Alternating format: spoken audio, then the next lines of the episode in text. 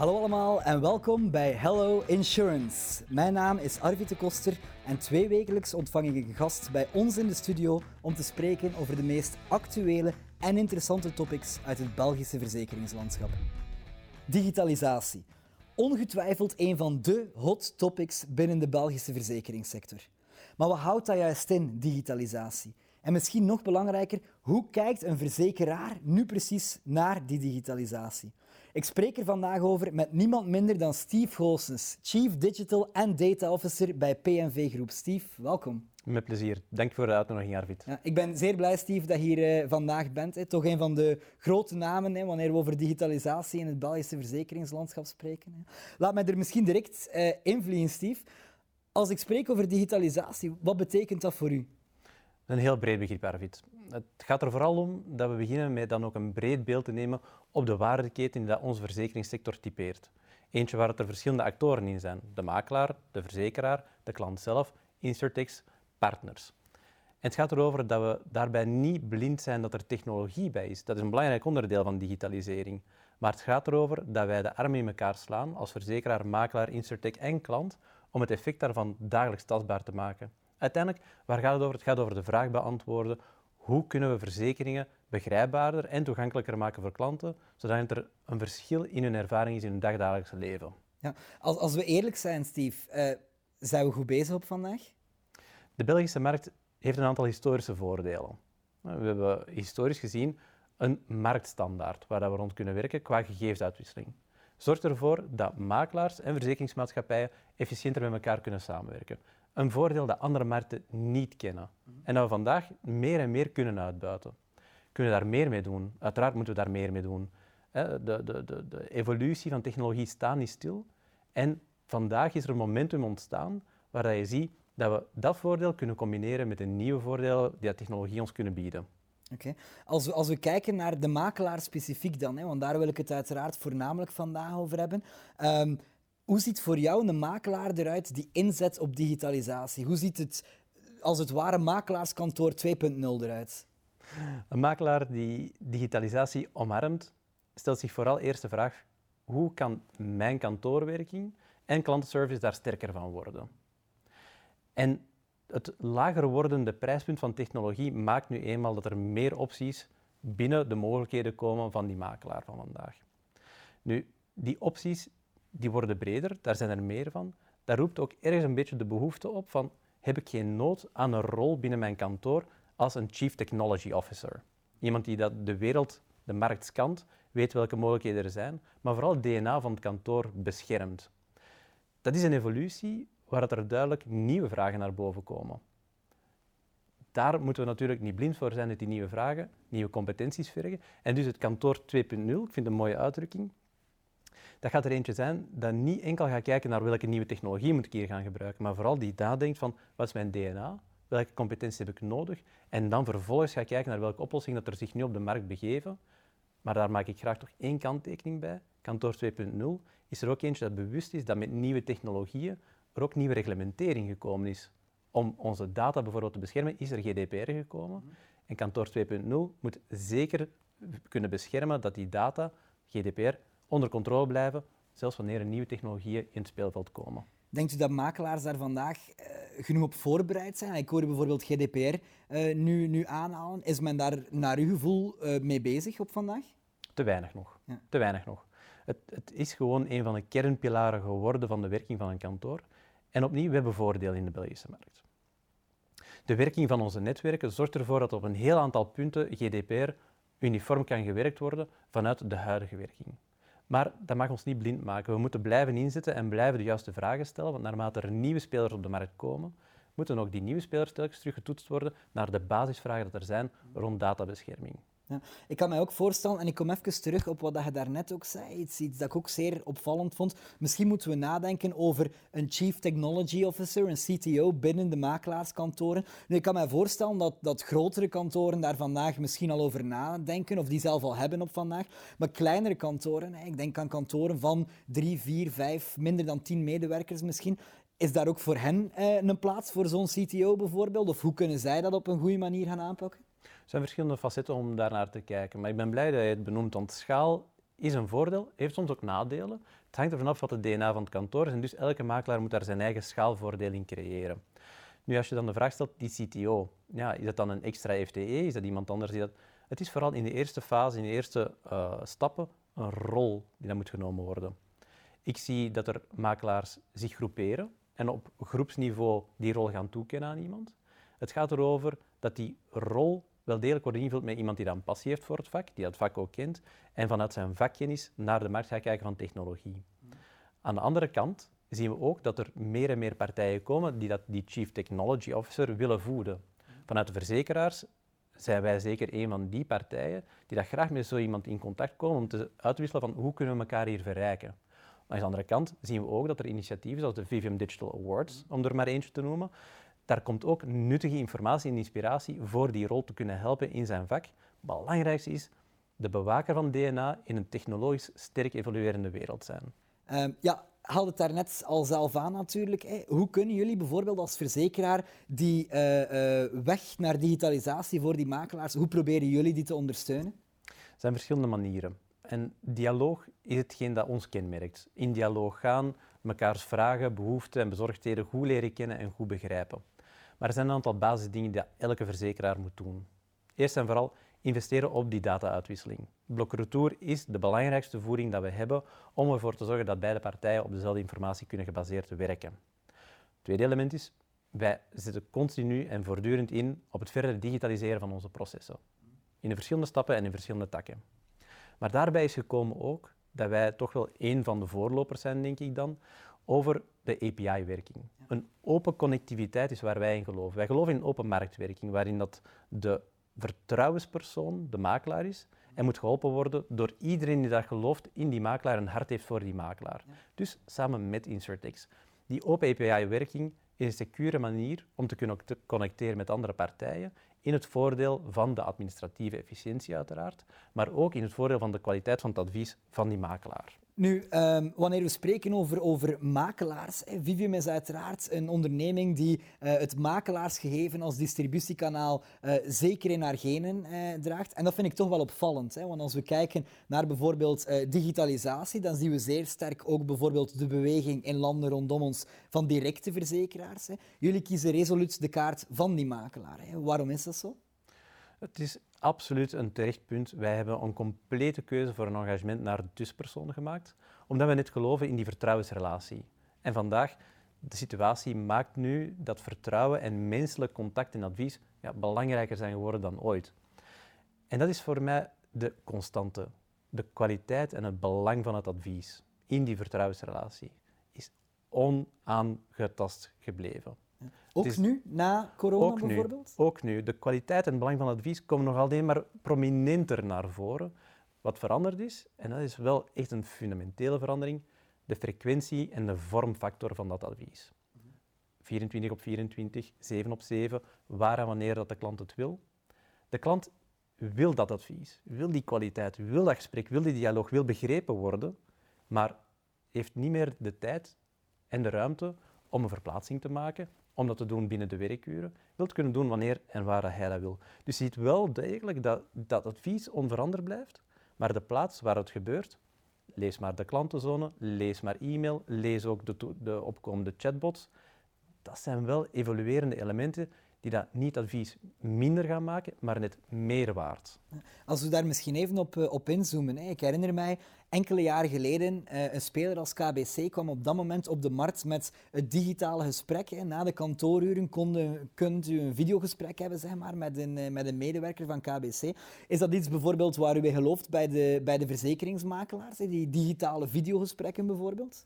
Wel, de digitalisering heeft zijn voordelen. En inderdaad, dat wij vandaag in deze moeilijke omstandigheden toch op afstand met elkaar kunnen praten en kunnen werken, dat is iets waar dat we x tijd geleden maar al van kunnen dromen. Maar het heeft ook zijn nadelen. Iedereen kent wel de Zoom-moeheid, of de MS Teams-moeheid, of welk platform dat men dan ook gebruikt. Dat is toch ook wel een van de nadelen dat we zien. We zien videobellen en videoconferencing is een van de manieren om vandaag dat contact te houden, maar het heeft ook zijn beperkingen. Ja. Ik pik daar misschien even op in. Hij spreekt over de Zoom-moeheid bijvoorbeeld. Zijn er, als we kijken naar die digitale beweging in het algemeen, zijn daar nadelen aan verbonden ook?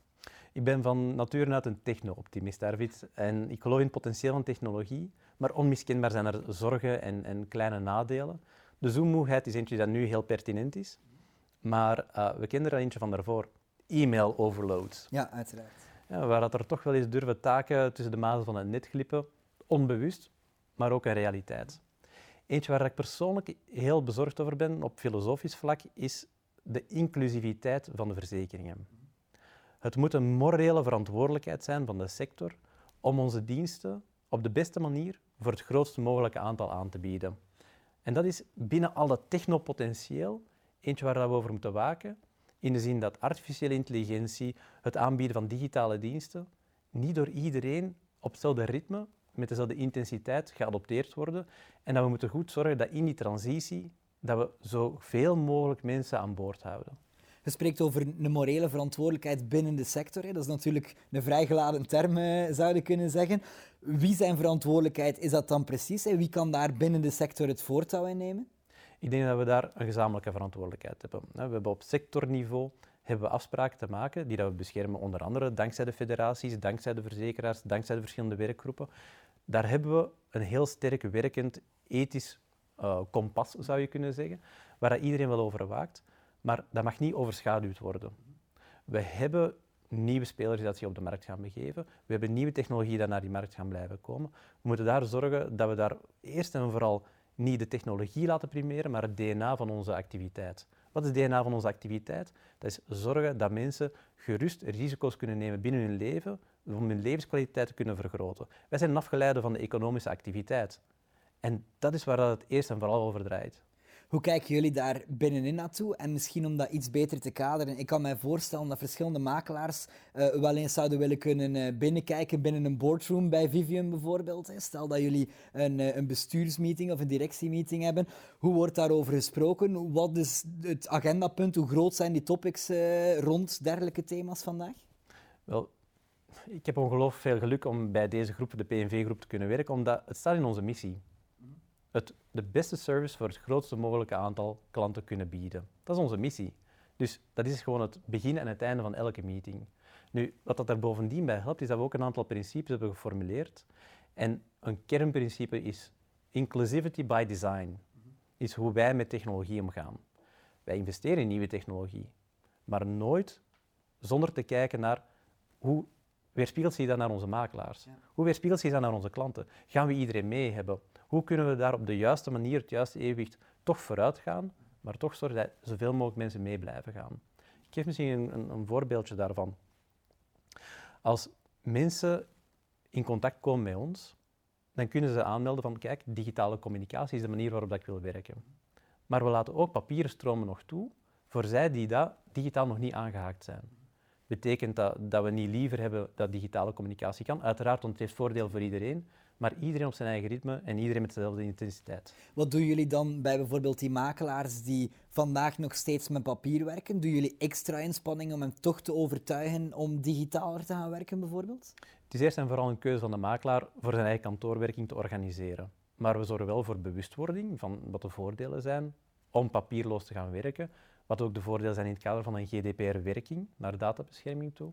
Dus we werken daar wel aan bewustwording samen met de federaties onder andere, die dat daar hele sterke standpunten creëren, net om die makelaars te helpen de juiste beslissingen te nemen in die evoluerende wereld. Ja, als we spreken over bijvoorbeeld papierloos werken, hè, hoe staat de makelaar daar vandaag voor als we procentueel kijken in bijvoorbeeld het Belgische landschap? We zijn naar een plateau aan toe werken. Het is meer de norm geworden dan de uitzondering dat we papierloos kunnen werken. En het is ook maar goed, want dat is beter voor de databescherming, beter voor de GDPR, beter voor het milieu. En de portefeuille. En de portefeuille uiteraard ook niet te vergeten. Nu, wat dat de makelaar natuurlijk ook wel moet zien, is dat in hele waardeketen moet papierloos worden. En dat is waar dat we ook naar onszelf moeten kijken als verzekeraar. Wij moeten elke processtom papierloos krijgen. En dan kan de makelaar uiteraard daarop verder werken. We kunnen de makelaar niet kwalijk nemen dat het papier gebaseerd werkt wanneer wij enkel papier aanleveren. Daar moeten we eruit. En daar nemen we ook een commitment dat we tegen eind 23 papierloos willen zijn. Nee, ik denk dat dat zeker uh, een mooie is. Hè. Ik denk dat, dat PNV als groep daar ook zeker uh, een bepaalde voortrekkersrol in probeert uh, te spelen. Hè. Dus dat vind ik, vind ik zeker leuk natuurlijk. En er is ook duidelijk geworden als we bijvoorbeeld kijken naar de Vivium Digital Awards, hè, wat toch in België wel eh, het eerste concept was waar eigenlijk insurtechs en dergelijke samen naast de makelaar en naast de verzekeraar op een podium werden gezet. Achteraf gezien, hè, na die eerste Vivium Digital Awards, hoe is dat binnen, uh, binnenshuis onthaald? Hè? Waren jullie daar blij mee? Wij waren er ontzettend trots op. Niet enkel op hoe dat is aangepakt, maar vooral wie dat er allemaal aanwezig was. -hmm. Je echt het gevoel van, wij zijn aan het werken samen met de makelaar, samen met de insurtech aan een betere service voor de klant. Dat is waar het over gaat.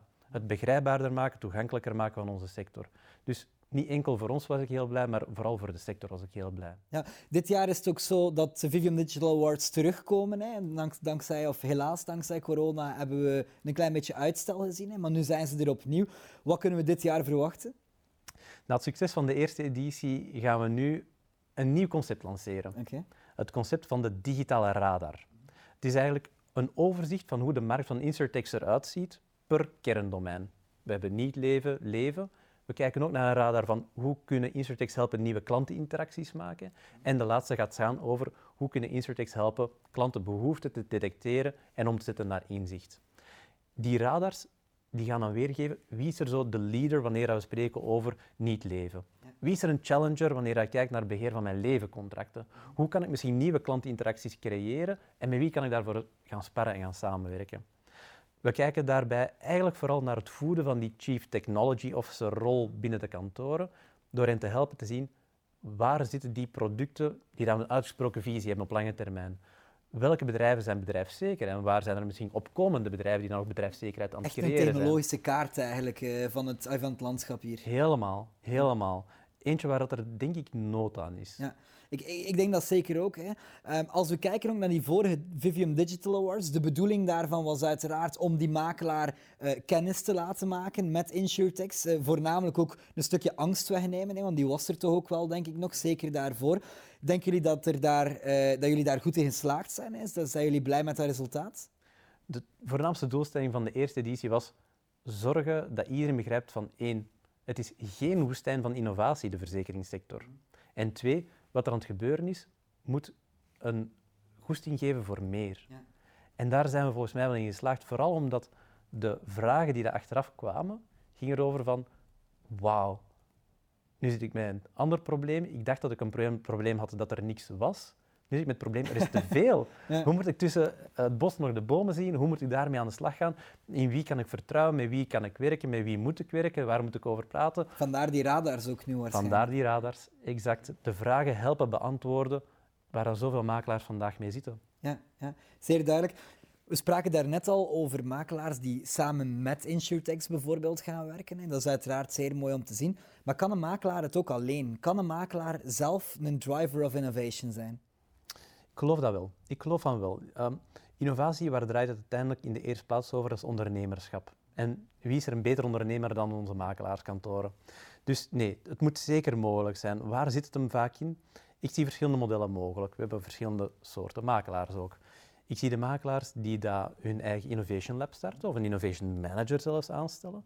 Maar innovatie, het zit hem heel vaak ook in de kleine dingen met grote impact. Zoals? Zoals bijvoorbeeld dynamisch maken van documenten. Okay. Zorgen dat de klant een gemakkelijke ervaring heeft in het lezen van zijn documenten, een bijsluiter. Het gaat in eerste instantie over wat ik de geruststellingsinnovatie noem. Ja. Dat is zorgen dat wanneer je innoveert, dat het niet extra complexiteit creëert, maar net wegneemt. En dat is iets wat we allemaal kunnen, toch? Ja. Is dat iets wat de eindklant verwacht, denkt u? Eindklant, absoluut. De eindklant wil ontzorgd worden. Als hij wilde bezorgd worden, dan zouden we wel andere vragen stellen. Hij wil ontzorgd worden en dat is zijn eerste en voornaamste vraag. Dat vertrouwen is een belangrijke factor daarin. Als een makelaar wil innoveren in het brengen van geruststelling, ja, dan gaat hij op sommige momenten ook wel komen op de limieten van ja, wat in de waardeketen hij alleen kan doen en waar hij met de verzekeraar moet partneren. Ook daar moet hij in dialoog over gaan. We hebben verschillende fora op sectorniveau om die topics vast te pakken, maar de beste innovatie komt van op het terrein, vanuit een ervaring waar we een klant hebben kunnen helpen samen en dat op schaal gaan brengen. Begrijp ik het dan goed dat u zegt dat het eigenlijk de makelaar zijn taak zou zijn om te gaan innoveren vandaag? Ik vind dat wel. Een ondernemer kan niet anders dan innoveren. Een ondernemer kan niet blijven staan waar hij vandaag staat. Dat is, dat is tegen zijn DNA en zo ken ik ook eigenlijk geen enkele makelaar. Elke makelaar zoekt naar hoe kan ik hier toch een beetje beter zijn? Hoe kan ik mijn klanten beter servicen? Hoe kan ik met mijn medewerkers op een andere manier aan de slag gaan? En dat zit hem niet altijd in de grote dingen. Niet iedereen moet de nieuwe Tesla uitgevonden hebben. Het is hem vaak in de kleine dingen dat de ervaring net op een hoger niveau brengen. Het gaat erover dat we net op de juiste manier antwoorden, op het juiste moment antwoorden. Het gaat erover dat die klant op dat moment ontzorgd kan worden wanneer hij het nodig heeft. En technologie helpt daar af en toe bij, maar is niet de enige manier om te innoveren. Er valt zo, net eigenlijk al eh, een grote naam in uw, eh, in uw betoog. Ze haalt even Tesla aan. Heel vaak wordt er ook gesproken over wat als Big Tech morgen gaat bewegen. Hè. Wat zal Google doen? Wat zal Amazon doen? Hè. Dat is ook iets wat ik vaak bij makelaars hoor, die hele grote spelers. Hoe zouden wij daar ooit tegenop kunnen? Hoe kijken jullie daar naartoe? Ik geloof dat de, de, de positie van de makelaar niet aangevallen worden door een Google de positie van de makelaar, het gaat erom over een vertrouwenseconomie gegenereerd te hebben. En Google heeft zeker zijn voordelen en zijn troeven. En we moeten hier niet de SWOT-analyse van Google maken, maar die zijn niet op dat vertrouwen gebaseerd. Die zijn niet over die proximiteit. Die gaan niet over dat menselijke aspect. Integendeel, dat is net wat ze proberen eruit te houden. Ze proberen zo digitaal mogelijk te werken, self-serving gewijs. Dat is hun model.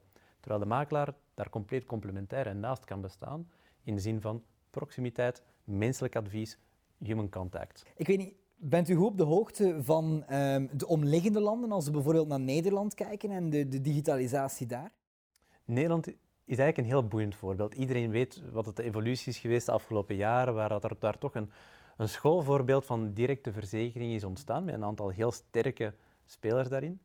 Maar wat heel weinig mensen weten, is dat het aantal makelaars in Nederland, de intermediairs, de laatste jaren nooit meer zo hoog is geweest als vandaag. Dat is echt een stijgende lijn.